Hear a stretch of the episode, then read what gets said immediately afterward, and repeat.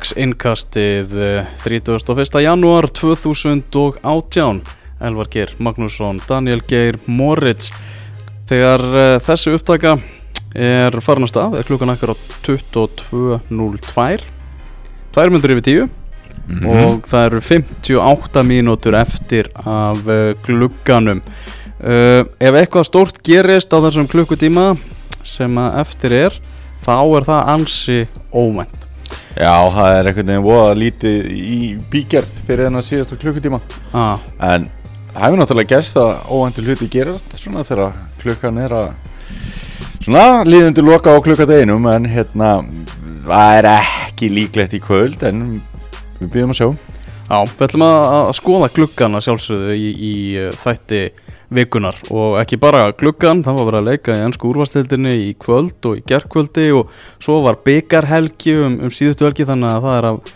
nægu að taka mm -hmm. uh, Janúar á enda, ertu ánægð með það? Ertu í- svona anti-janúar Nei, ég er mikill janúarmaður Já, ég, hérna, Janúar og september hafa oft verið í svona uppáhaldi hjá mér sko September út að ég á ammali líka og svona og, En þetta eru svona mánuðir þar sem að maður svona rýfur fram dagbækur og byrjar að skipuleggja og, og, og spökulegra og svona Hvað Ah, ætlar maður að gera þú svona ert svolítið þannig- misserin þannig og svoleiðis, kall, sko. Búa til lista yfir eitthvað skemmtilegt og haka við sko Mm. Þannig að, nei, ég er bara, ég er mikill janúar maður sko Já, þannig að þú ert bara í tárum yfir því að, að janúar sé Ég er að- bara ég er alveg í miðum mín Já, það, það, bara, það er þannig Þetta er búið að vera bjórlaus janúar hjá mér Já, en ég ætla að bæta úr því í februar já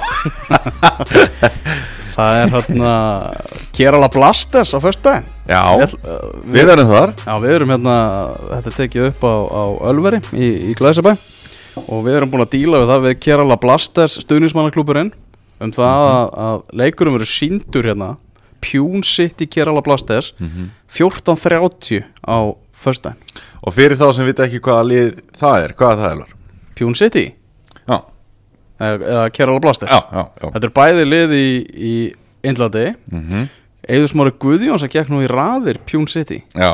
en meittist Spilaði ekki mínútu. og gæti ekki spilað en við erum með Íslanding í Kerala Blast S og Mhm. það er Guðjón Baldursson sem er búin að spila eitt leik og kom þá inn á þegar stamma jöfn og það kom, það kom sigur Mm en þetta er svona aðalega mittlir sko út að ég er gríðalegur dímatar Berbatov maður Akkurat og hef verið ansi lengi alveg frá því að hann var að spila með bæði Leverkusen mm -hmm. þá hef ég haldið upp á, upp á búlgaran Þetta er mikill töframæður með boltan Já, Svo er Vestbrán hann líka svo er Vest Brown að Og það þjálfara líka. teimið er eitt af fyndnasta sem þú finnur David James og Hemmi Ah. Hreðars Á, það þau verða ekki mikið fyndnari teimin Nei, það er þetta sé fýtt móra alltaf í klefanum Á, og bara um að gera kíkja á þennan legg, mm vikingaklappi tekið á, á eftir mm -hmm. bara þú veist, ég, þú veist vei- er Guðjón Baldur svona átt að sá því að hann er að fara að spila sko ég, draumurinn er náttúrulega Ber- að að Berbatov og, og Guðjón spili saman sko. Já, já í síðasta leik var Berbatov meittur þannig að hann var ekki með uh, en núna eru þeir ég sá það þarna bara á Instagram held ég hjá, hjá Guðjón mm að Berbatov ferðaðist með liðinu þannig að Já. hann ætti að vera komin áttur í slæðin og draumurinn er bara að þeir byrja saman hann frammi, saman sko geggja, sko. Já, Þannig að við, bara ef einhver vil joina það er bara 14.30 á fyrstu daginn byrja bara helgin að snemma Já, já, já Já, við, já, Engin, engin ást, engin ástæða til annars en við ætlum ekki að tala um indverska fótboltan í kvöld Ekki meira allavega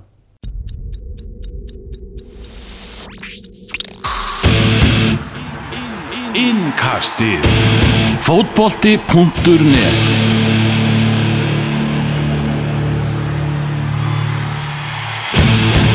Já Daniel, hefur við ekki að byrja bara á þínum mönnum Já, hvernig lístur það? mér líst vel á það Já, Mjög vel eru þeir voru ábyrrandi í klukkanum Já, Ars- heldur Arsenal menn. betur og hérna sko ef við hefum tekið upp þetta innkast fyrir sólarhing síðan mm.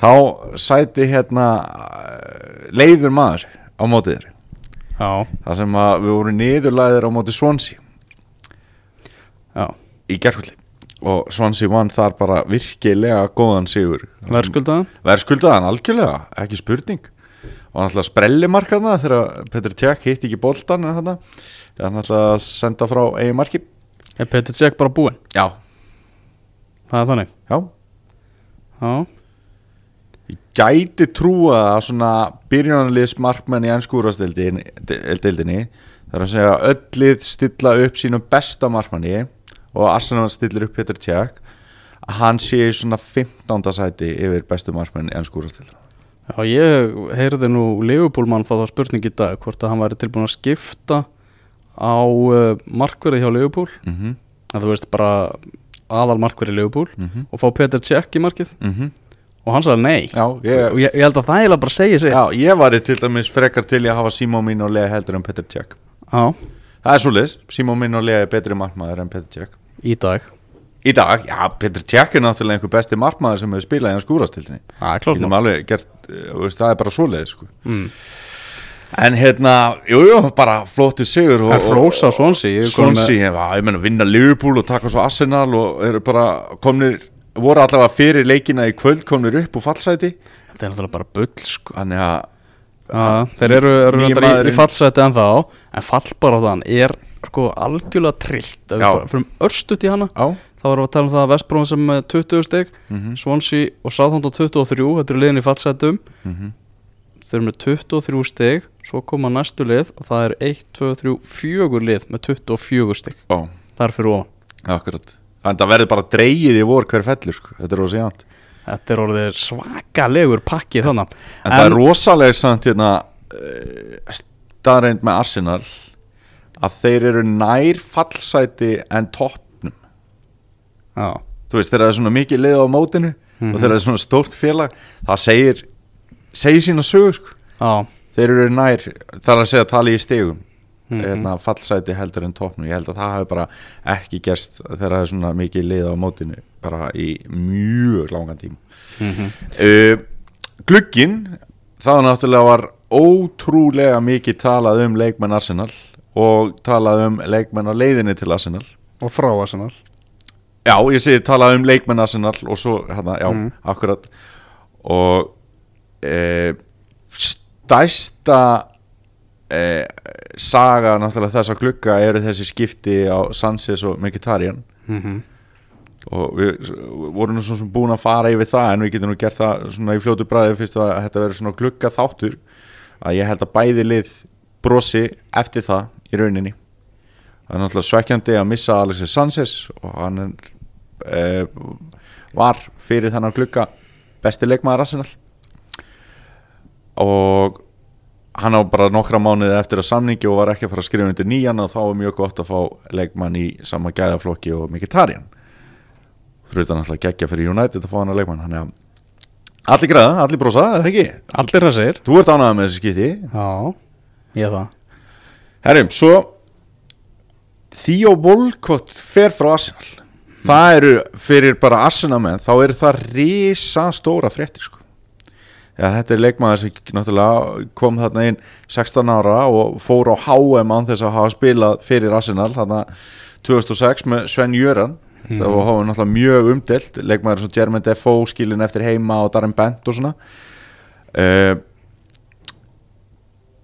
hann er búinn að fara rosalega vel að stað hjá Everton leggur upp mark í sínu fyrsta leik skora tvö mörk í kvöld þannig að hérna maður óskar honum náttúrulega velfarnar en þetta var búið hjá Arsenal hann var, hans ferill var ekki að fara aftur á okkar flug og hérna bara allt í lagi að fá 20 miljónum punta fyrir hann leiðilegt að þetta hafi farið svona maður var alltaf að býða en þegar maður er fann að býða þegar hann er 28 ára eða hvað hann er í dag þá er það orðið svolítið langsótt sko uh, Aubameyang er síðan það sem Arsenal stuðnismenn glæðast mest yfir í þessum klukka já, ég held að það sé alveg hægt að segja það hún langaði rosalega mikið að fara til Arsenal og fekk ósk sína uppfyllta Já, algjörlega og hann var náttúrulega búin að stefna að þessu bara eh, í svolítinn tíma og ég held að hann og Mkhitaryan hafi líka mjög gaman að því að vera nú komin í sama félag þeir hafa áður spilað fyrir e, sama lið og, og hérna, gengi vel Mhm.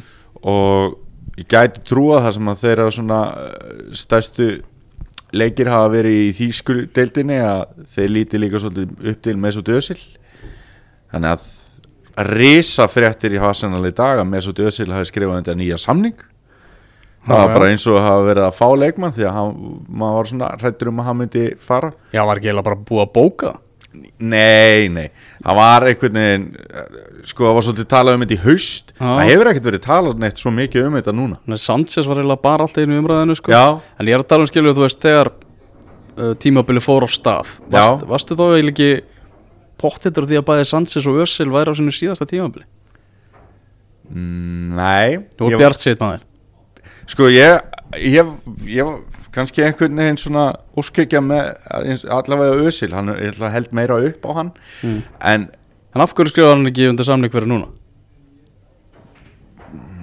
Af hverju- já, það er bara það má alveg spyrja sig að því kannski var bara eftir Það hlýtur að hafa verið í hausnum í honum að bara fara að prófa eitthvað nýtt sko. Já, algjörlega Eftirspurnin hefur væntalega verið bara minni Já, það kemur hann fær öruglega betra tilbúð núna heldur en hann fekk síðasta sumar frá Arsenal þar að segja hann er launahæstur í liða Arsenal Já, Bara eftir, eftir daginn í dag já, þá er hann launahæstur leikmaður Arsenal Já. hann, hann er á harri launum, heldur en Aubameyang já hann á það líka bara skilið mm -hmm. Þannig að ég var ótrúlega gladur að sjá Opa mjög staðfestur og svo kom þetta svona beint í kjölfari sko. Já, Þannig að það var mjög gaman uh, Leiðirlega fréttir fyrir Arsenal í glugganum Það held ég að sé óhætt að segja að Oliver Giroud sé farinn þetta er rosalega breytingar Þetta er bara fáranlegu gluggi fyrir Arsenal sko. Yfirleitt hefur að vera sko, Arsenal stuðnismæður í janúar glugganum en eins og að vera votti á jólunum sko. Já. Þú veist, Það er ekkert að frétta En núna er bara allt í gangi En þetta er ekki bara góða fréttir fyrir Giroud Mjög góða frétti fyrir Giroud En ég minna Arsenal er ekkert að gera með Aubameyang, Lacazette og Giroud Ég veit það ekki Allt Á nýjur hverju? Þú veist, hann spila með einn strækir og þetta eru enginn að hann vil bara fara út á kantinn sko. Nei, og nei náttúrulega Giroud bara getur ekki fara Gýru út á kantinn getur það ekki og, Nei, nei. og Lacazette svona Já, eiginlega ekki nei, nei. Aubameyang getur það Hann getur það en ég menna að farð miklu meir og drópi með ang í nýjunni heldur, Já. heldur en hitt sko. Ég held, og, og hann er náttúrulega keiftur sem nýja og, Ég meina og fyrst þegar hann fyrir yfir til Dortmund þá er hann eiginlega svona meiri kantmaður Já. svo er hann gerður að nýju Já. þar Já, byrjar þetta, já. sko. þar fara hlutin að Já. gerast sko. emmitt Það er samt uh, stundum er uh, talað, um, talað þannig eins og hann hafi þá verið einhver, einhver grínkall þegar hann var á kantinum Nein Hann var það náttúrulega alls ekki Hmm. Nei, nei, en, en nei, hann- en hann, hann- springur út þannig nýjum og hann er, ekki, og hann er ekkert að fara til Arsenal til að vera að spila út úr stöðu sko. sko. Nei, sko, varandi þetta og, og mikið að vera með þá þrjá og eitthvað jari jari, þú veist, við getum líka sett hann í Velbeck sem að getur leist þarna upp á topp og svona Já, uh, Lacazette er drastl já. hann er svona bara nýr Marwan Shamak feelingur eitthvað neginn. hann er komið með heldur nýju mörg á öllu tímambilinu búin að spila ógæðislega mikið og það er ekkert að frétta það var algjör hörmung að sjá hann í leiknum í gær þar sem að hann var aftur og aftur og aftur ekki að taka hlaupin og hann var bara umulegu sko. Já. þannig að ég myndi segja þú veist, jú, jú, ok hann, vonandi kemur hann eitthvað þú veist, Held, eh, þú veist, er þetta ekki bara tímasöfumál þarf hann ekki að aðalaðast deildinu og svona ég veit það ekki, ég meina þú sér það engin batamerki Nei, og Það er eiginlega bara eiginlega bara í hináttina já, frekar. a- bara, Ah. bara afturför einhvern veginn og hans ferli í Arsenal og, og það var náttúrulega oft talað um það þegar hann var þarna að spila eh, með Leon að, að sko, af hverju er ekkert lið búin að taka hann fyrr Þú veist, svo er hann keiftur á þennan pening 20 og hvað 6 ára eða eitthvað svoleiðis. Mm. Þú veist, það var í raun og veru talað eins um hann 26 ára og að tala um hann að gæja 21 árs en svo var, var, tók enginn sensin og hann er svolítið að sína núna af hverju hann er ekki nóg góður á bekki með hann það er bara klárt, Já. bara á bekki með hann þá, þá finnst mér hérna gýrút vera betri kostur til að hafa heldur en hann upp á bara að koma inn á þeirra 20 mínútur eftir ef að það er eða, eða vera í vopnabúrunni þegar verið að spila á móti einhverju svona harðhausaliði eða hvernig það er sko. þá nýtist hann rúslega vel hafandi sagt það að þá getur Danny Welbeck gert það líka, Þú veist, hann hefur alveg sínt það Já, ekki sama gæðaflokki en alls ekki í sama gæðaflokki sko. Já. Þannig að þetta er einhvern veginn, ég myndi samt segja að eftir þennan kapal að bæði Chelsea og Arsenal standa sterkari að víi Aubameyang er betri en Giroud og Giroud er betri en Batshuayi Það finnst að merkilegast að við hann að glugga er eiginlega það að Arsenal og Manchester United gera hrein skipti á Mkhitaryan og, og Alexis Sanchez Já, sem er náttúrulega bara ótrúlega fáhært í, í fótbolta bara rosalega og svo þessi kapall sem fer Já. af stað í kjölfar Já. Og Það þetta sem- er meira að segja að þannig það mikill kapa alltaf Arsenal er að taka á sig kostnað Dortmund við að fá Batshuayi frá Chelsea Já.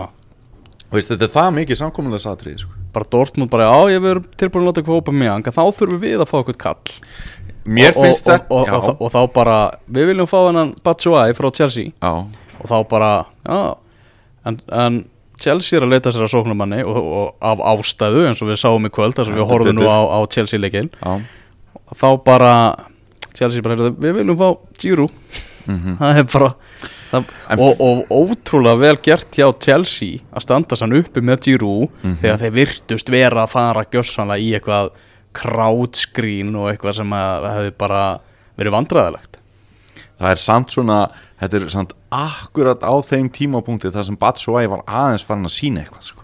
já, já, Þú veist, það er náttúrulega pínu svona svekkjandi fyrir hann líka sko og það eru nú eru líka fyrir Chelsea þú veist ba bara Conte treyst ekki Batshuayi Nei. þrátt fyrir að svona einhvern veginn Batshuayi í þeim leikju sem hann fekk að spila sem voru vissulega oftast gegn liðum og neðri deildum eða eitthvað í byggarnum Mhm. -hmm. en hann gerði það sem að til þurfti þar Já, en hann fekk samt líka deildarleiki þar sem hann var oft alveg herfilegu sko. Á, Ekki oft, en hann fekk stöku deildarleiki já, þar sem hann var alls alveg ekki herfilegur. oft Nei, það er nefnilega það er hann bara svo leiðis Svo hans langflestu mínútur eru bara þessar svona afgangsmínútur En sko. það, ég var að hugsa um þetta í dag Sko Arsenal var tilbúið til þess að sprengja sín met til þess að kaupa opa mig angi í þessum klukka Veist, Það er staðrind Af hverju þurfti að gera það með þeim hætti að þeir þurfti að missa mann fyrir það Á, Áhverju var þetta ekki klára 10. janúar þannig að Dortmund væri bara ennþá í jólafríi og gæti bara verið að leita sér að leikmanni.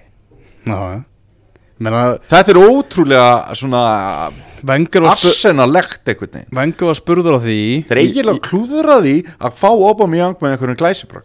Vengi var spurður að því í upphafi januar getur við fengið getu, getu fengi að sjá Aubameyang í búningi Arsenal hann sagði ekki sjans Á. það er útilokað að við getum fengið hann í, Ars- í januar Á. uh, annað komst þið hann á daginn þannig já. að við svona, þessi atbyrðarás hefur all verið mjög svona fassakend og, og óvennileg Skrítin bara, já. Já, mjög Óvennileg og skrítin, það er einhvern veginn sem hægt er að tala um þetta. En landslæði er svolítið að breytast hjá Arsenal eins Mhm. og hérna maður sem við höfum nú vitnað áður í, í, í, í þessum þætti Og John munum vitnaði aftur. Já, einn af mínum uppbóðs bresku fréttamönnum, það er John Cross hjá, hjá Mirror uh, þar sem hann og hann náttúrulega sérstaklega er, er með góð sambönd innan Arsenal Já. og hann var að tala um svona hvernig landslæðir að breytast hjá, hjá Arsenal og, og það hefur náttúrulega ekki farið fram með nokkru manni bara svona hvernig svona eh, hvernig þau eru að breyta bak við, bak við tjöldin, skipuritinu og, og, og því og það kemur þessi mislintat sem er hann yfirmaður innkaupa og var náttúrulega hjá Dortmund þannig að hann er með, með sambandi þar Mhm. uh, og John Cross segir bara einfallega að, að vengar sé ekki með sömu völd og sama mátt innan Arsenal og hann hafði Næ. og það er kannski meðalans vegna þess að vengar er farin að sjá það að ef hann myndi bara vera harður húsbóndi standa fast á sínu og segja bara "Heyrðu, hér er það ég sem ræð Mhm. þá held ég að vengar sjáu það að hann myndi bara fara Mhm. hún myndi bara ít til hliðar hann bara verður einhvern veginn að, að kóa með Já. uh, og John Cross taldi upp fjögur atriði af hverju Aubameyang sé bara einn ólíklegasti leikmaður fyrir vengar að kaupa Já, sem sagt ódæmiger vengar kaup Já. 29 ára gamall verður hann í júni mm uh, hefur stimpilin að vera vandræðagjamsi mm Mhm. -hmm. og náttúrulega bara fyndi að sjá myndina af honum sko með svona rakað í Já. hárið og í einhverju Já. glimmerpeysu við hliðin á vengar eftir Já. að hann uh, kostar 56 miljónir putta mm -hmm. og Arsenal hefur Lacazette sem var dýrasti leikmaður félagsins áður en Aubameyang var giftur og, og bara í sömu stöðu Já Sko ég er sammálað þessu nema þetta kannski vandraðakemsa dæmi sko. Já, Vengar hefur alveg fengið til sér vandraðakemsa já. Og, og með oft bara góðum árangri og Kross reyndar kemur líka inn á það í pislinum að þrátt verið stimpir en sé Aubameyang ekki beint vandræðagjafsi mm -hmm. því að þarna hafa hann hann hjælt sjálfur síðasta sumar að hann var á förum frá Dortmund mhm. og hann þyrfti ekki að vera með að stæla til að komast frá Dortmund hann bara hjælt að hann væri á förum og það myndi ganga bara svona Þá er í raun og verið verið að tala um Real Madrid og Barcelona Já, síðan bara lokast það, lokast það og hann fer ekkert Mhm. þá byrjar hann að verða pyrraður sko.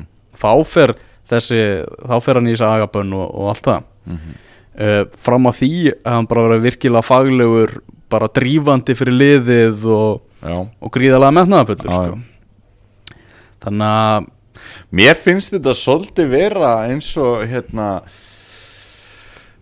Gazítis og, og félagar hafi einhvern veginn fengið bóð á útsölu og engin annar já, Það er ekki samanlega því það getur alveg verið sko. ég held einhvern veginn að Dortmund hafi séð Þá er það náttúrulega þessi Dortmund tengsl sem að geta kannski skipt miklu máli þar eins og þú varst að segja á hann Dortmund náttúrulega gerði ekkert í meistaradeildinni Nei, bara bless bless mm -hmm. voru bara vandrarlega liðlegir það já, þeir eru 19 stigum á eftir bæðin mönn hér 19 stigum já uh, Opum í Ang, ég held að hann hafi bara eiginlega verið svolítið skemmt epli í klefunum mm og Dortmund bara hugsa að það er bara best fyrir okkur að, að hann fari sko. Já, þannig að þetta, þetta, þetta er en, bró- en, en þú veist, það er bara Arsenal sem er orða við hann já, Það er útsölu pælingi mín sko mm Og veist, og hann fer á minna en hann hefði Hann var miklu minna en var talað um til dæmis síðasta sumar mm, Yfirleitt virkar þetta aðeins öfugt þegar það kemur janúarklugi já. Þannig að mér finnst þetta mjög áhugavert alltaf frábært sem Arsenal-maður Hann ætlar að taka 3-14 já, Það eru Arsenal Legend sem hafa spilaði þeirri 3 já, já Opum í Ang var bara ekki lengi nánast að líka sjálfum sér við Týri Andri Já Það feti fótspor hann Ég er til í það, já, persónulega já það væri- Samanskapi, ég menna því að Volkott spilaði líka í þessari treyga Hann verður alltaf hérna, e, Svona í minnum Arsenal stuðnismanna Dortmund er eitt svona fallegasta fótboltafélag bara í heiminum Mhm. það er eitthvað, eitthvað svona við það er alltaf verið þessi ástríða þvílík stemming á vellinum, guli veggurinn mhm. og hafa spilað skemmtilegan fótbolta verið með geggjaða leikmenn innan sinna Já. raða Akkurat hversu pyrrandi er samt fyrir þetta félag og vera stuðningsmaður þessa liðis Já, að ef leikmaðurinn er orðin ofgóður þá er hann bara farinn já, já þú veist þú, þú, á, það- þú veist eins og sérst bara með náttúrulega Aubameyang núna og Osmane Dembele síðasta sumar og Mhm. Já, já, Lewandowski, Þú veist- Mario þú veist- Götze Já, já, síðan náttúrulega þessi tenging bara bein línan annars til Bayern München já, og sagan bak við það er alveg svona miklu lengri að því leiti að, að Dortmund var á sínu tíma í miklu fjárhagsærðuleikum já, já og Bayern hjálpaði þeim út úr því Akkurat. Mhm. þannig að einhvern veginn svona það er þrátt fyrir að þetta séu tveir stærstu risarnir í þýskum fótbolta þá er vinarsamband þarna á milli og Já. Dortmund einhvern veginn svona ennþá skuldar Bayern München Já, já, þannig að þeir hafa einhvern veginn ef Bayern München kemur með gott tilbúið í leikmann hjá þeim þá bara verðar einhvern veginn að segja, segja á sig tilnættan til að Já. segja já uh, Núna eru líka fleiri leikmenn uh, Christian Pulisic sem er náttúrulega mikið í umræðinni mhm, sem er uh, talað um bara sem fyrstu bandarísku stór knaspindu stjórnuna já, 19 ára gammal, þetta er svona eh, mest spennandi ungi leikmaður bara í heiminum í dag já uh, það eru reysar að fara að slást um hann í sumar og tala um það sé bara eiginlega vonlust fyrir, fyrir Dortmund að halda honum Já, uh, Julian Weikul sem er svona djúpur miðjumæður með styrlaðan leikskilning sko. Já. ótrúlega skemmtileg típa sko. mhm, vegna þess að þrátt fyrir að vera varnamiðumæður þá er þetta svona frekar renglulegu strákur sko já, en hann er með bara ótrúlegan leikskilning já, hann var að skipta um umbósmanna skrifstofu mhm, og er komin í stærstu umbóskrifstofu Þýskalands já Eh, ef hann ætlaði að vera áfram í Dortmund var hann eitthvað að hringla í þessu eða? Eð, þú veist þetta er tal, talið vera bara skilaboð eða þú veist komi Manchester United, Liverpool, Bayern München upp á tærnar félög sem vilja fá hann að gaur sko Nei, nei, það er mjög auðvelt að áætla að hann vilji fara já, líka í þessari stöðu þar sem það er ekki nokkur vísbending í heiminum sem bendir þess að Dortmund sé eitthvað að fara að veita bæðin munn hérna samkjafni á næsta árum Nei, og líka ekki að taka þátt jafnvel bara í meistaradeildin á næsta ári Já. Þú veist, menn hugsa ofta ekkert lengri en það Já Þetta var smá svona smá Dortmund Já, út út það var mjög gott, mjög gott uh, förum, förum í hérna Oliver Giroud Já, sem, a, sem að Chelsea er að fá Ég ég ætla samt að spurja þig eitt Já. bara að því að nú held ég að við séum svolítið búin að gera upp þetta Arsenal dæmi sko. ég ætla að snúa þess á þig sko, að því að þú ert svona eh, hlutlaus Hmm.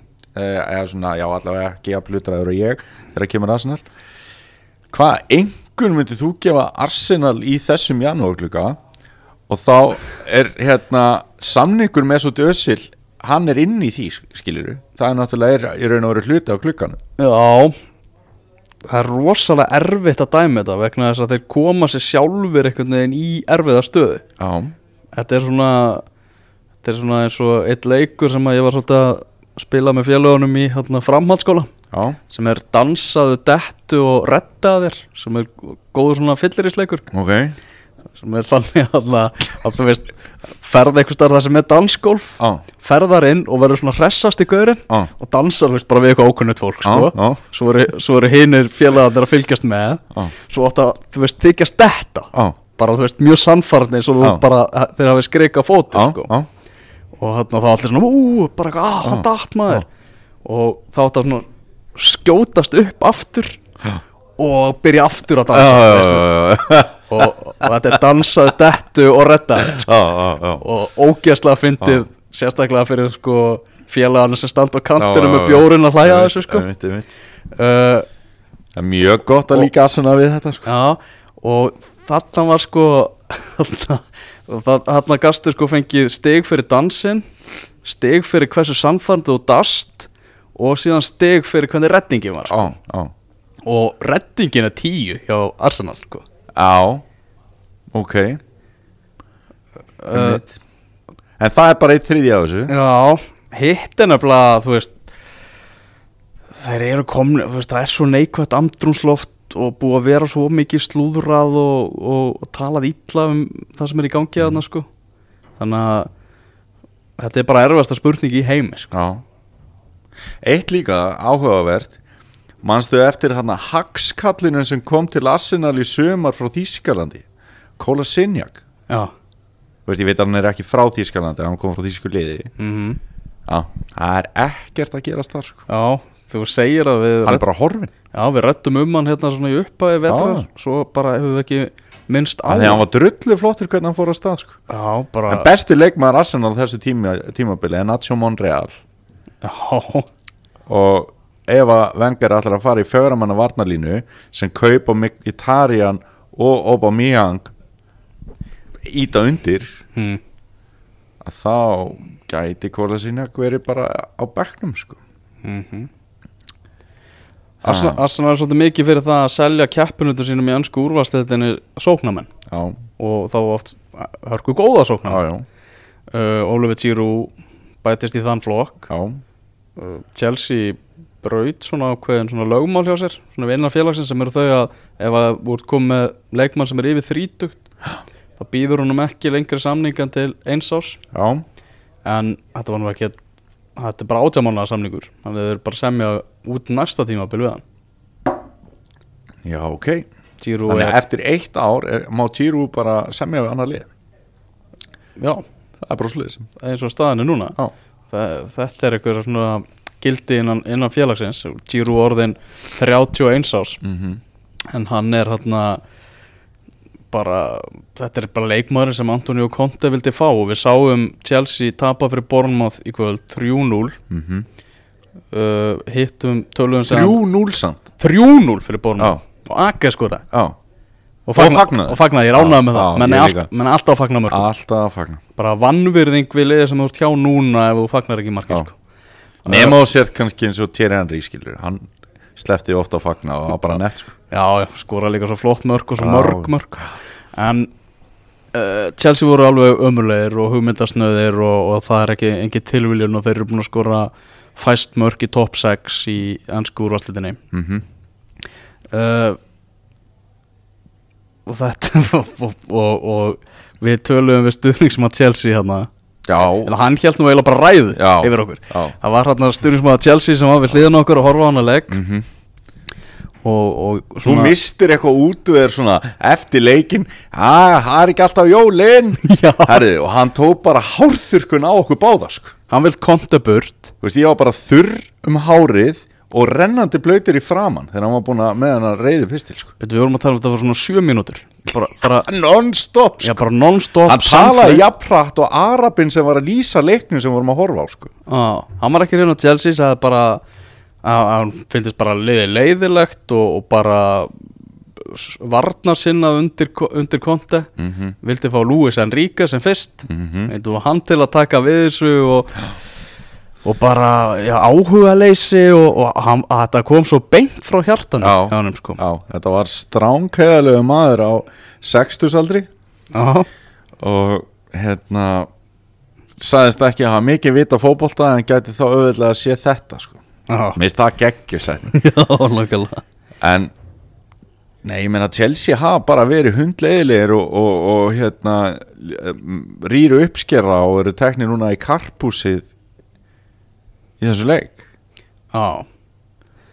Sko, það er bara svo leiðis já. þeir náttúrulega verða fyrir smá skakkaföllum að Anders Kristensen fyrir mittur á velli stöðinu 0-0 og hann er mögulega þeirra besti miðverður fyrir utan Cesar Aspulu Kveta Mm og Rúdiger kom inn í staðin og Cahill Rúdiger voru í rugglinu í þessum leik en líka bara inn á miðjunni bara baka Jóko og, og Kante ég menna það var ekkert mikið að frétta þannig sko.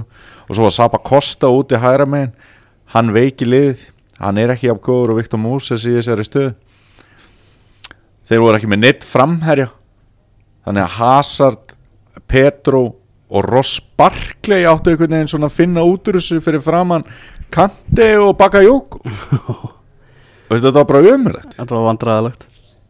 ég, ég held að þetta Ross Barkley gampl sé alveg umrætt Heyrðu áhugavert þannig ég held að það verður bara það verður ekkert sem kemur út af þessu hann er bara verður eitthvað Jack Rodwell sko.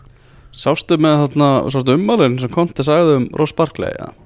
já, býtu, Það var eitthvað, eitthvað leikur, um- leikur um daginn Það sem að hann hafði einhver áhugir af honum eða eitthvað, nei, býtu, hvernig var þetta Jú, það var þannig að þarna þeg, Hann sagði bara, þegar ég fekk Ross Barkley Þá hafði ég áhyggjur af því að, að tæki langan tíma komunum í gang bara út af svona líkamlegu standi á hann út af hann bara gangi gegnum erfið já, meðsli hann er alltaf umrætt meðsli svo, sa- svo kom bara í ljós að hann var í miklu betra ástandi líkamlega heldur en hann hafði bara getað ímyndað sér já, en vandamálu verið hins vegar að hann sæði fram á það að það tæki lengri tíma að fá hann til að skilja taktíkina og það sem að Chelsea er að hugsa og það sem Chelsea vil gera inn á vellinu Einmitt. og hvað þetta er hlaupana og taka meðbolta og, og ánbolta já og hann eiginlega svolítið svona var ennsku bladamaður sem að sagði það að horfi augun og Ross Barkley væri eins og að horfi augun og górilu því, því, því hann væri svo heimskur Já, og þetta var einhverjuð sönn bladamaður sem að sagði þetta á. og allt var brjálað og hann þyrfti að byggast afsökunar og eitthvað eftir, eftir sumali alveg rétt, ég man eftir þessu en stimpillin er að bara þú veist að Ross Barkley sé bara ákaflega vittlus Á. hann sé langt frá því að vera skarpasti nýfur í skúfunni Já, og þetta svolítið þessi ummæli kont er ekki mikið að, þarna, að, að afmá þann stimpil af honum Nei, nei, en hann já það var eitthvað leikur um daginn var það ekki bara byggarleikurinn á móti Arsenal eða eitthvað spilaði hann ekki þar þar sem hann að delta byggarleikurinn þar sem hann hann að Já, kom inn á eða ekki eða eitthvað þar sem að Conte var veist eitthvað ógeðslega pirraður á honum því hann var að öskra eitthvað inn á völlin einhverja skipanir nema Barkley virtist bara ekkert, ekkert skilja hvað hann var að tala um sko. Já, já, Þannig að þetta væri svona helsta, helsta vandamáli sko. Mhm. Það var mjög, mjög áhugaverð umhæli á konti eftir að klára tímabili á Chelsea Já, ég held að Heldur það? Ég held að klára tímabilið en það verði ekki meira það sko Erum við ekki að fara að sjá hérna gús hitting í mass? Eitthvað svo lir?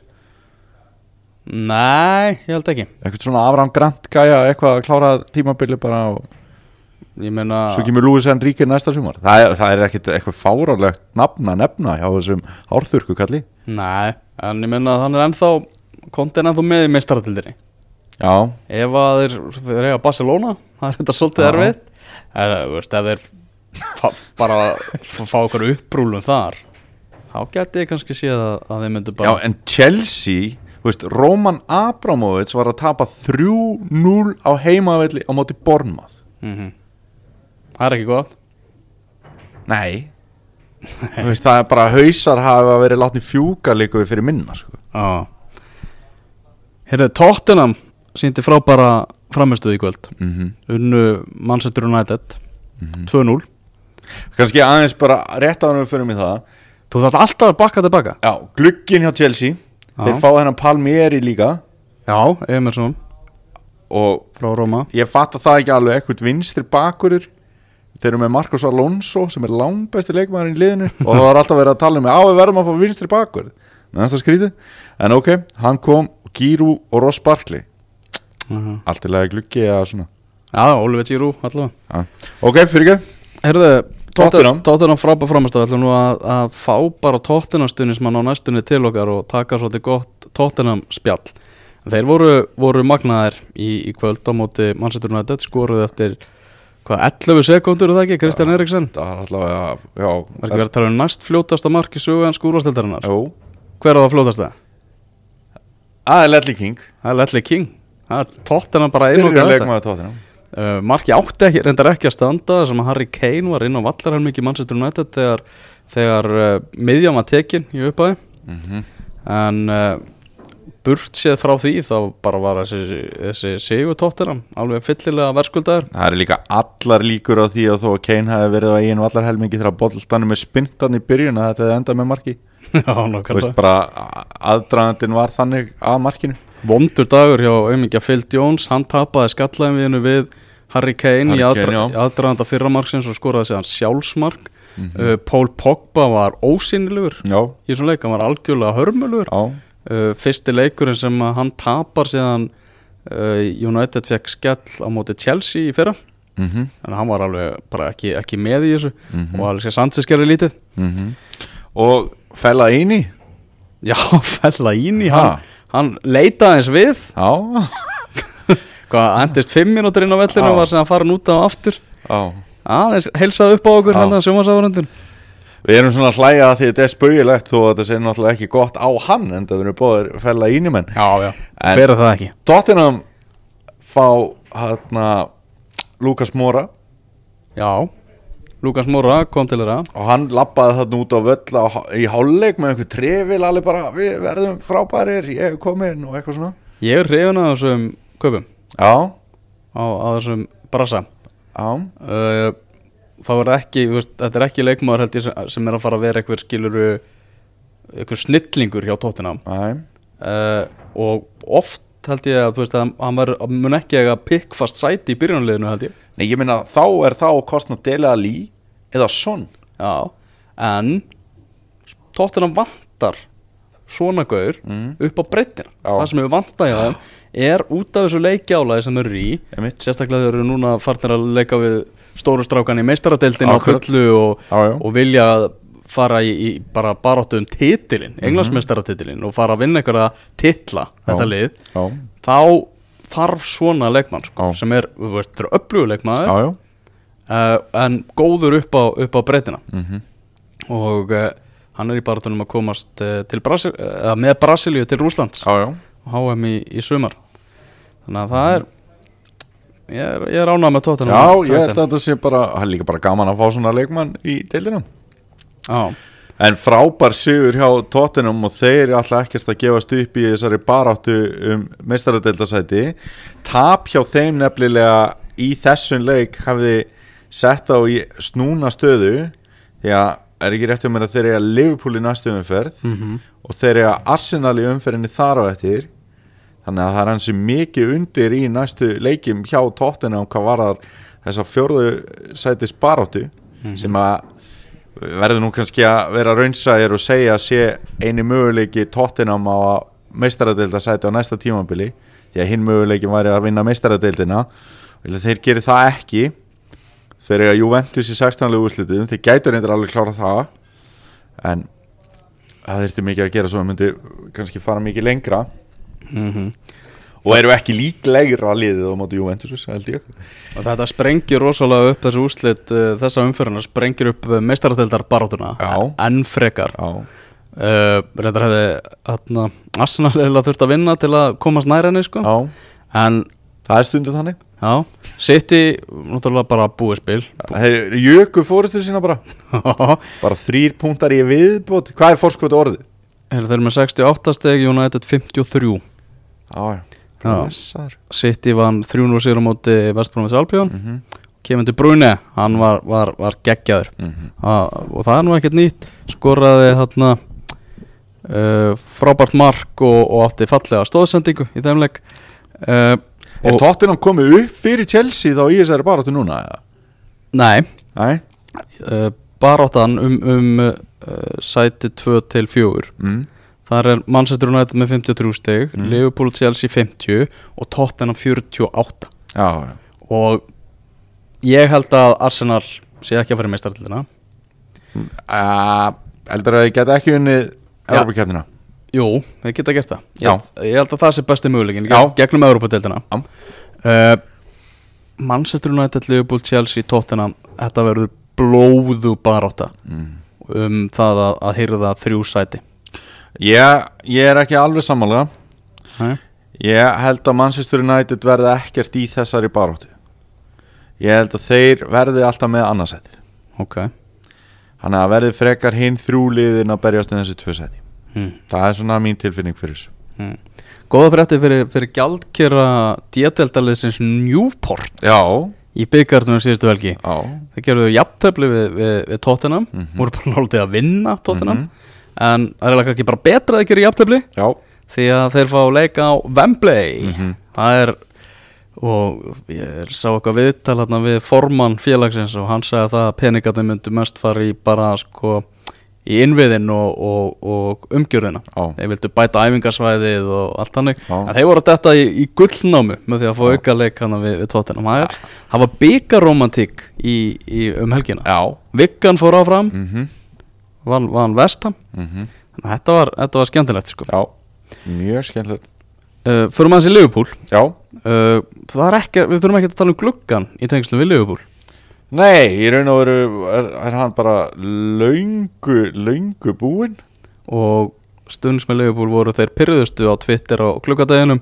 Mhm. vegna þess að þeir tóku engan þátt Já, mitt Jörgen Klopp að bara upp í sofa að horfa á Netflix Í raun og veru var að eina sem Liverpool gerði í þessum klukkadegi það var að var að klára kaupin sem átt að eða sem sagt, bæði kaup og sölu sem átt að gerast síðasta sumar Já uh, Liverpool tapaði fyrir Vestbrónvits Albion hérna í byggarnum Jörgen Klopp með áhugaverð umali þar sem hann talaði um það að- að uppbóta tíminn í leiknum hafi verið svona stuttur vegna þess að BT Sports þyrfti að koma að einhverjum öðrum dagskrálið og Já. mátti ekki bæta meira við, meira við leikin Já, og vissi ekki hvort það var frettatími eða eitthvað það er mitt Mér er svolítið svona svolítið fyndið að það kom á sama tíma og Joey Barton var að tala um það að þetta skoða eitthvað í hausin á Jörgen Klopp Já, það er, það er áhugavert en náttúrulega uh, það afreg Vestbrómins Albion fjall náttúrulega í skuggan á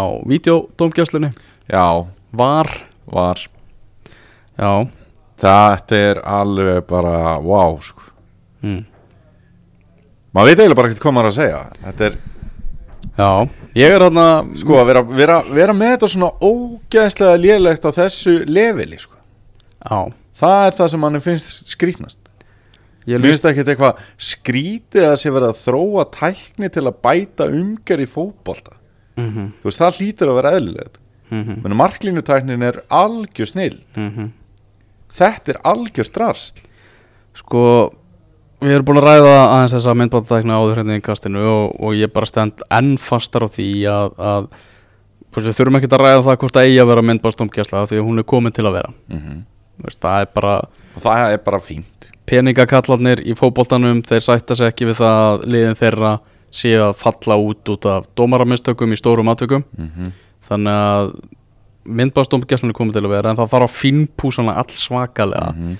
og einhvern veginn fá skýrari línu bæði fyrir áhorfundur sem eru á vellinum því að það er mikil mistök varandi það að, að, að þeir sem mæta á völlin vita eiginlega ekkert hvað er í gangi Nei, nei. Og, og, og sjá og, og fatta ekkert og þeir sjá ekkert endursýningarna Nei. sem að við sjáum í Nei, sjómarpinu nei. og alla pælingarna sem eru í gangi Já, já þannig að þeir standa eftir bara algjörlega á, án þess að vita neitt en uh, hvernig Craig Pawson vinnur okkar, Mhm. notaði þetta líka hann, hún fannst eins og hann þyrfti að nota þetta í öllu mm -hmm. uh, hugmyndum með myndbastekna er það að þetta sé notað í þreymur tilfellum mm. það er til að þegar mark er skorað Já, ef, hvort að marki var löglegt eða, eða ekki aha uh, hvort að þarna uh, hvort að víta í, uh, í vítaspindudómum mm. hvort að, Og hvort þá er það þetta brot- víti skástrík leikaraskapur og það já, mm -hmm. eða röðspjöld Mhm. það er þessi þrjú, þrjú aðeik þú veist eins og þeim fór ógjöfsli í töðarnar á mér þegar Vestbrón skoraði þriðja markið sitt á móti Ljúbúl Já og það var ekki fræðilegu möguleiki að var nokkuð að þessu marki mm -hmm. að þá var hann samt að hafa samband upp í myndver uh, Halló, er ekki allt í lagi? Var eitthvað ólöglegt við þetta? Vítu, við ætlum að skoða þetta aðeins Mhm. Þú veist, ég lísti tveimur leikjum í ítalska boltanum um helgina mm. Þar er búið að nota þessa myndbastækni allt tímabilið Já, með uh, misjöfnum árangri já, en mistökin eru að verða færri og færri eftir sem líður á tímabilið Já. Bara- og dómaratni vennjast í að nota þetta já og í þessum tveimur leikjum sem ég lísti var myndbandstæknin ekki notuð einu sinni Æ, það var bara, og samt kom upp alveg atvika sem að gat verið viti og eitthvað þannig já Og en, en bara dómarður hugsa, ég bara sá þetta og ég te tel þetta sé ekki viti bara play on sko Mhm. Já. það er ekki bara alltaf, stopp, stopp, stopp Já, já, Þú já, veist, það eru dómararnir sem er að dæma leikin Já, já. áfram sko. Já, já. þeir eru ekki að sk- horfa á vídeo í öllum antökum Nei, og en á himbóin er, hefur líka verið gaggrinn á Ítalíu með það að sömu dómarar nota, not, vil ekki nota þetta neitt já meðan aðri dómarar nota miklu meira að því að þeir hafa náttúrulega lagt mikið púður í að innleiða þetta og þá skýtur það svolítið skökku við að, að, að einhver dómari notið þetta og annar ekki Þú á, Ah, já. veist, það er ekki jafnvægi á deildinu með því það er svona já, þetta verður notað á HM í fótbolta en það þarf um nokkra mánuði til stefnu til, að, til að fínpúsa þetta og gera þetta ekki svona vandraðalegt og, og lélegt eins og þetta var í leiknum, leik Leopold og Vestbróðins Albion Já. þar sem þetta náttúrulega átlíka upp fótboltan já, já, vegna þess að uh, það var, það var rosaleg tempo í leiknum og það var ógeðslega opinn og skemmtilegu leikur já, þar til öll þessu stopp fór að detta inn hérna með stuttum millibili Mhm. og og hann þarf að búið að ta taka það saman þú voru eitthvað átta mínútur bara sko videodómgjæsla atvikin já, sem að fór í það svo var fjórum mínútur bætt við háleikin já, þannig að þetta er fara að geta upp spilminúðuna já, já, sem er náttúrulega líka alveg reikalegt já, já. uh, var er komið til að vera En, en það samt en það þarf að, þarf að fínpúsa þetta en og það er rækilega algjörlega en ég er samt, mér finnst alveg eðlilegt að tíminn sé ekki stöðaður leiktíminn þegar að vera að nota þetta er það ekki? Það er eitthvað, hvað finnst þér? Jú, jú, mér finnst- ég er sammálaður í því sko. Já, já, að þetta er bara Þetta svona á hluti af að- leiknum bara, alveg eins og þegar dómarinn hleypur að, að hérna línuverðinu bara, Já, já. og veist, hva, hvað sástu, var hann, að- var hann að tóa í peysuna eða, að ég veit það ekki, ég var að horfa á okkur að gellu eða eitthvað skilur, Það getur bara ekki tekið svona það langan var ekki tíma bætt við bara, nei, þetta, þetta, það er stóra máli, þetta er alltaf langu tími, sko. já, já. Og líka það að stöðva fagnaðarlætin og, og sérstaklega þegar þú veist það er ekkert á aðtugavert við þetta Craig Pawson var bara kjánalegur í þessum maður En varstu hérna þegar, að- þegar að, hérna, Ísland skoraði draugamarki fræga á móti finnum Já, Já, hvað byrjaði maður ofta að fagna því marki og hætti sem betur fyrir var ekki myndbástómkjast eða marklínu Nei. í, í því sko. mark Nei, en, en þú veist, það, maður var samt svo Já, það er samt svo fárlegt að segja að maður hafi verið rændur í að, að, að trillast þegar að- að- þegar markið var skorað Já.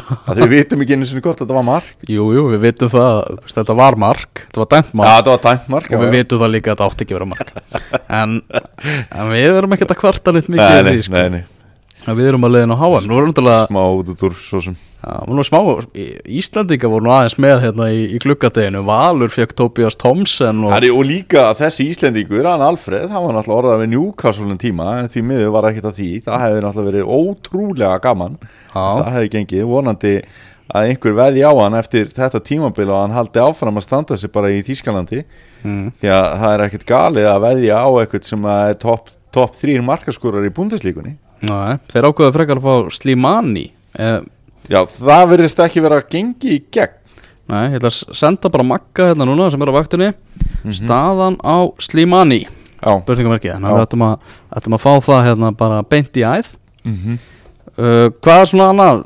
Bötturlöpp fór til Póllands, það voru mjög óvænt, óvænt Já, já. tíðandi og líka ég greip náttúrulega aðeins fram í fyrir þér eins og alltaf en hérna Tobias Thompson náttúrulega líka í, í, í val þú, Já. þú fegst ekki alveg svona mómenti sem þú átti skilið að því að það er svo, það er svo stór skipti sko. Já, Valur er ekkert að grínast nei, nákvæmlega og, og, og maður er eitthvað að heyrta því að þeir sé ekki hættir þannig að þetta gæti verið mjög fornilegt og vonandi bara að, að þeir nái að stíga skrefi sem við erum alltaf að býða eftir að fá Íslendingalið í riðlakeppni í Evrópakefni mm uh, Annað sem að svona gerðist í, í á gluggatæðinum Andri Æjú fór aftur til, Já. til Swansea Ná, svonsi, sko, þ- það sem að ég var líka að skoða þetta að Everton á náttúrulega mjög góðan glugga með að fá Cenk Tosun og Theo Volkot Já. Vist, þetta voru einhvern veginn svona púsl í, í, í spili sem að vantaði sko. uh, Lester þeir voru bara að lána alla framherrina sína Úsjóa og Músa og svo verið Slimani líka og þeir eru allir að fara á lán það er dálítið fyndið um, annars erum við náttúrulega búin að fara kannski yfir þetta helsta nema náttúrulega Laporte keftir á fullt af peningum til Manchester City Manchester City er svolítið að eyða í vörnina hjá sér Já, og Markmann líka það er náttúrulega dýrasta Markmann í bransanum ef ekki þann dýrasta Guardiola sagði það að, að það var ákveðið að styrkja uh, hópin með miðverði í sömar Já, þeir hafa eiginlega svona flýtt þeim kaupum með því að fá Laporte núna já, og það gerir það að verkum að, að þeir geti haft aðeins náðura í sömar já og þeir eru náttúrulega væntalega að horfa í það e, ég held að þessi örglega rétt um er átt að mendi ég komin aðeins yfir þrítugt Mhm. hvort hann sé ekki 31 eða 2 þó hann sé ekkit eitthvað það gamalt þú kannski flettir því upp með henni held áfram og svo er, er John Stones náttúrulega þarna sem framtíðar og Mangala hefur náttúrulega ekki kannski staðið sig alveg í að verða þessi svona almennilegi sköttplayer eða, eða geta verið að veita einhverju eðlilega samkeppni og og svo, það mendi verður 30 í februar hann verið þrítur í fyrir, ok, hann er ekki eldri en það Nei. ok, en Mangala hann, hann náttúrulega er ekki alveg svona Mhm. í þessum gæðaflokki Company hann er ekkert ofta að veita mönnum Company ah, þegar hann er svo mikið mittur hann er svo mikið mittur þannig að það má í raun og vera ekkert mikið út að bregða þarna í miðvarastöðunum mm.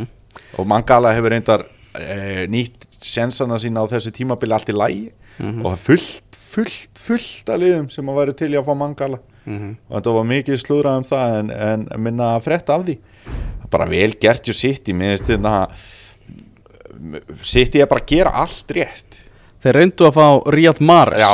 sem er náttúrulega einn ein stærsti það er einn tíðindi. skemmtilegasta sagan á glöggadeginum eða það ekki Jú, manstu þegar Petra Óta Mingve ætlaði að þröngu að félagaskiptin í gegn hérna um árið já, þetta er, þetta er svolítið það sko já. mætti þarna fyrir utan einhver völl og var í bílinu sínum bara og vildi fara og gerist ekki neitt ég skil ekki akkur að hérna, Liverpool hefur ekkert reynd við Ríad Mares eftir að Coutinho fór ég hef mikla, mikla trú á, á Mares Ég líka uh, Ég hef Ha- mjög mikla trú á hann svo komið þess að fréttir með Leroy Sané þar sem hann náttúrulega Neil Warnock og félagar þeir voru bara í stál skrúanum Já, þetta var ógeðslega tækling hérna á Lýrásanni já ógeðsleg Vil, Viljum ekki sjá þetta Nei, þar var ekkert var í, í þeim leik þannig að- þannig að það var ekki rauð spjald en ég ætla nú að, Já, Hvernig í ósköpunum sko ætla að vona það að hefði dómarinn fengið að sjá þetta aftur og það hefði hann nú allavega lift rauð en já, leðilegt með, með Leroy Sané sem er náttúrulega að fara að missa af 16. úrslutum meistaradeildarinnar meðal annars mm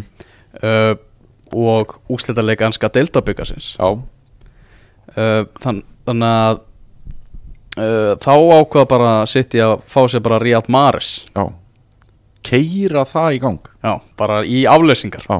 en, en svona þú veist, ég segi í afleysingar í ákveðnu gríni Mhm. því að Ríad Mares svona þú veist, City er að leita að þessari típu þeir vo- voru náttúrulega að spá í Alexis Sanchez Já og, og þeir vilja bæta við sig þessari típu já, og alltaf sé ekki svona svipað og ég talaði um áðan stefna þeirra í sumar er vantalega að fá svona leikmann já, og þeir ákveðu bara að flýta því auðvitað einnig, Einmitt. Mhm. fyrst að, fyrst að Sani var meittur uh, en Lester setti hreikala háan vermiða Mhm. á Riyad Mahrez hann er með sama umbósmann, hann kýja við nokkar og Mhm. Philip Coutinho er með þannig að þetta hefur verið rosalega janúarklukki ef, Já, að- já. ef hann hefði náð að selja ef að, ef að Mahrez hefði skellt sér til sitt í já, Mares sem hann segir að Lester hafi bara verið sta- fastir á því að það var 75 miljónu punta Já. fyrir hann og City bara nei, við erum ekki að fara að taka þátt í því en Mares vildi fara síðasta sumar já og hann veit svo sannlega að fara núna hann átti vist að vera í Maris vildi líka fara tíma eh, sumar eftir að auðvitað meistarar á, Þess, hann hefur í raun og verið vilja að fara hann hefur spilað frábælega á þessu tímabili samt já, já, sérstaklega eftir að Puel Já. Mhm. tók, tók við sko. uh, hann mætti ekkert á æfingu í gær Nei, hann eh, bara ákvað það að hann átti að byrja á móti Everton í kvöld Mhm.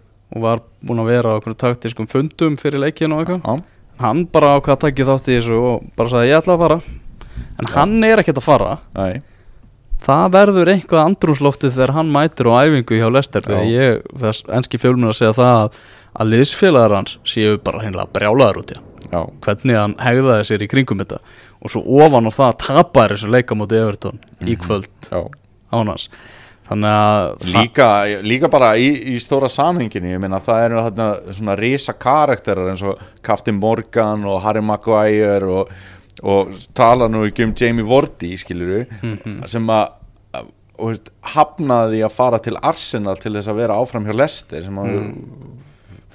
mörgum þótti mjög svona áhugavert Erum við ekki að fara bara í sama með Riyad Mahrez og Vestham gekk í gegnum með Dimitri Payet bara það sem að Jú, mannst ekki þegar út af Dimitri Payet er, var utan á vellinum mynda á honum fyrir utan vellinu Vestham já, það þurfti að vera öryggisvörður bara að passa myndina vegna þess að að pyrraði stuðningsmenn myndi ekki fara að spreja á hana og já, eitthvað. já. Þú veist, það er svona, svona sama neikvæða attitútið eitthvað í kringu þetta Já, ég meina og- og fátt sem fyrir meiri töðan á meina veggjakrótt og það er, og ef einhverjir sem að er að hlusta eru veggjakróttara þá eru þau aumingjar sko. en það, það var sagt það það má alveg spreyja aðeins á Maris annars, sko. Já ef maður verið stuðnismæður lestir myndum maður ekki alveg bara Ég veit ekki hvort það sé mynda hann samt fyrir utan King Power stundum, ég held það ekki sko nei, þú veist að það væri skilur Ef það væri það var alveg hægt að fyrirgefa smá graff á það Já, já, það væri bara fínt Já, já. uh, Maggi var að svara hérna með Slimani Mm. Hann er búinn að fara í lækniskoðun Allt klárt beðar eftir staðföstingu frá félagunum Mm. Og Rafa Benedis tala um að sé verið að klára pappisvinnuna Mhm. Akk og, og þrátt fyrir að glukkin sé að loka núna í þ- Þegar klukkan er að slá 11 Já, já, akkurat í hún þessari er eina upptöku. mínúti 11 hérna hjá okkur nú er bara Big Ben að, að ringja Mhm. þá uh, hafa félögin samt uh, held ég tvo klukkutími viðbóti eða eitthvað til þess að ganga frá Já. pappismálunum Já. ef þau eru búin að skila inn félagaskiptablaðinu já. Eh, með þess að ekki tilkynna lengur félagaskipti Já, það er, það er nefnilega svolítið þannig uh, Markovits fór frá Liverpool til Anderlegt já, her, ég verð að segja að þetta finnst mér vonbrið mm. ég var að vona að Lasa Markovits færi líka til Swansea Já hann fór hann til húli fyrir það og hann var bara fýtt Mhm. og var svona hluti af þessu næstunni rosalega ævintýri hjá Silva, stjóra húl en hérna a- og fer til andalegt núna og keiftu þér hann eða var þetta lán bara enn eitt lán eða kannski skiptir ekki öllu en við vildum, eða ég hefði viljað sjá hann fara í Swansea Já, þetta, þetta er, á- þetta er ágættis leikmaður og maður samt ekki að þetta er að saknast það mikið Já, ég Já, meina, þú ég veist að- er samt aðeins að horfa í það bara hvernig hann var hérna hjá húl hann hefði alveg getað gert eitthvað kakk fyrir svonsi Já En þá er bara búið að, að- að skella í lás Það er búið að skella í lás að skella í lás Já, þetta var rosalegur janúarmánaður Watford fá svolítið skemmtilegan leikmann mm. Gerard Delofeo, Já hann kemur á láni frá Barcelona mm mm. alltaf mjög aðteklisvert að hann hafi farið til Barcelona mhm. eftir að hafa svona eiginlega ekki meikað eitthvað Everton þannig að það verður fornilegt að sjá hann náttúrulega meika það fyrst hjá Everton en svo þegar hann kom aftur þá var þetta svona lítið að frétta það sem að mér finnst samt áhugavert við hennan glugga það er að bara lið eins og Newcastle gerir eiginlega ekki neitt í þessum glugga Já, og ég held að Eh. enginn sé pyrraður yfir því heldur en Rafa Benítez Nei, ég held að það sé hárið eftir á þér uh,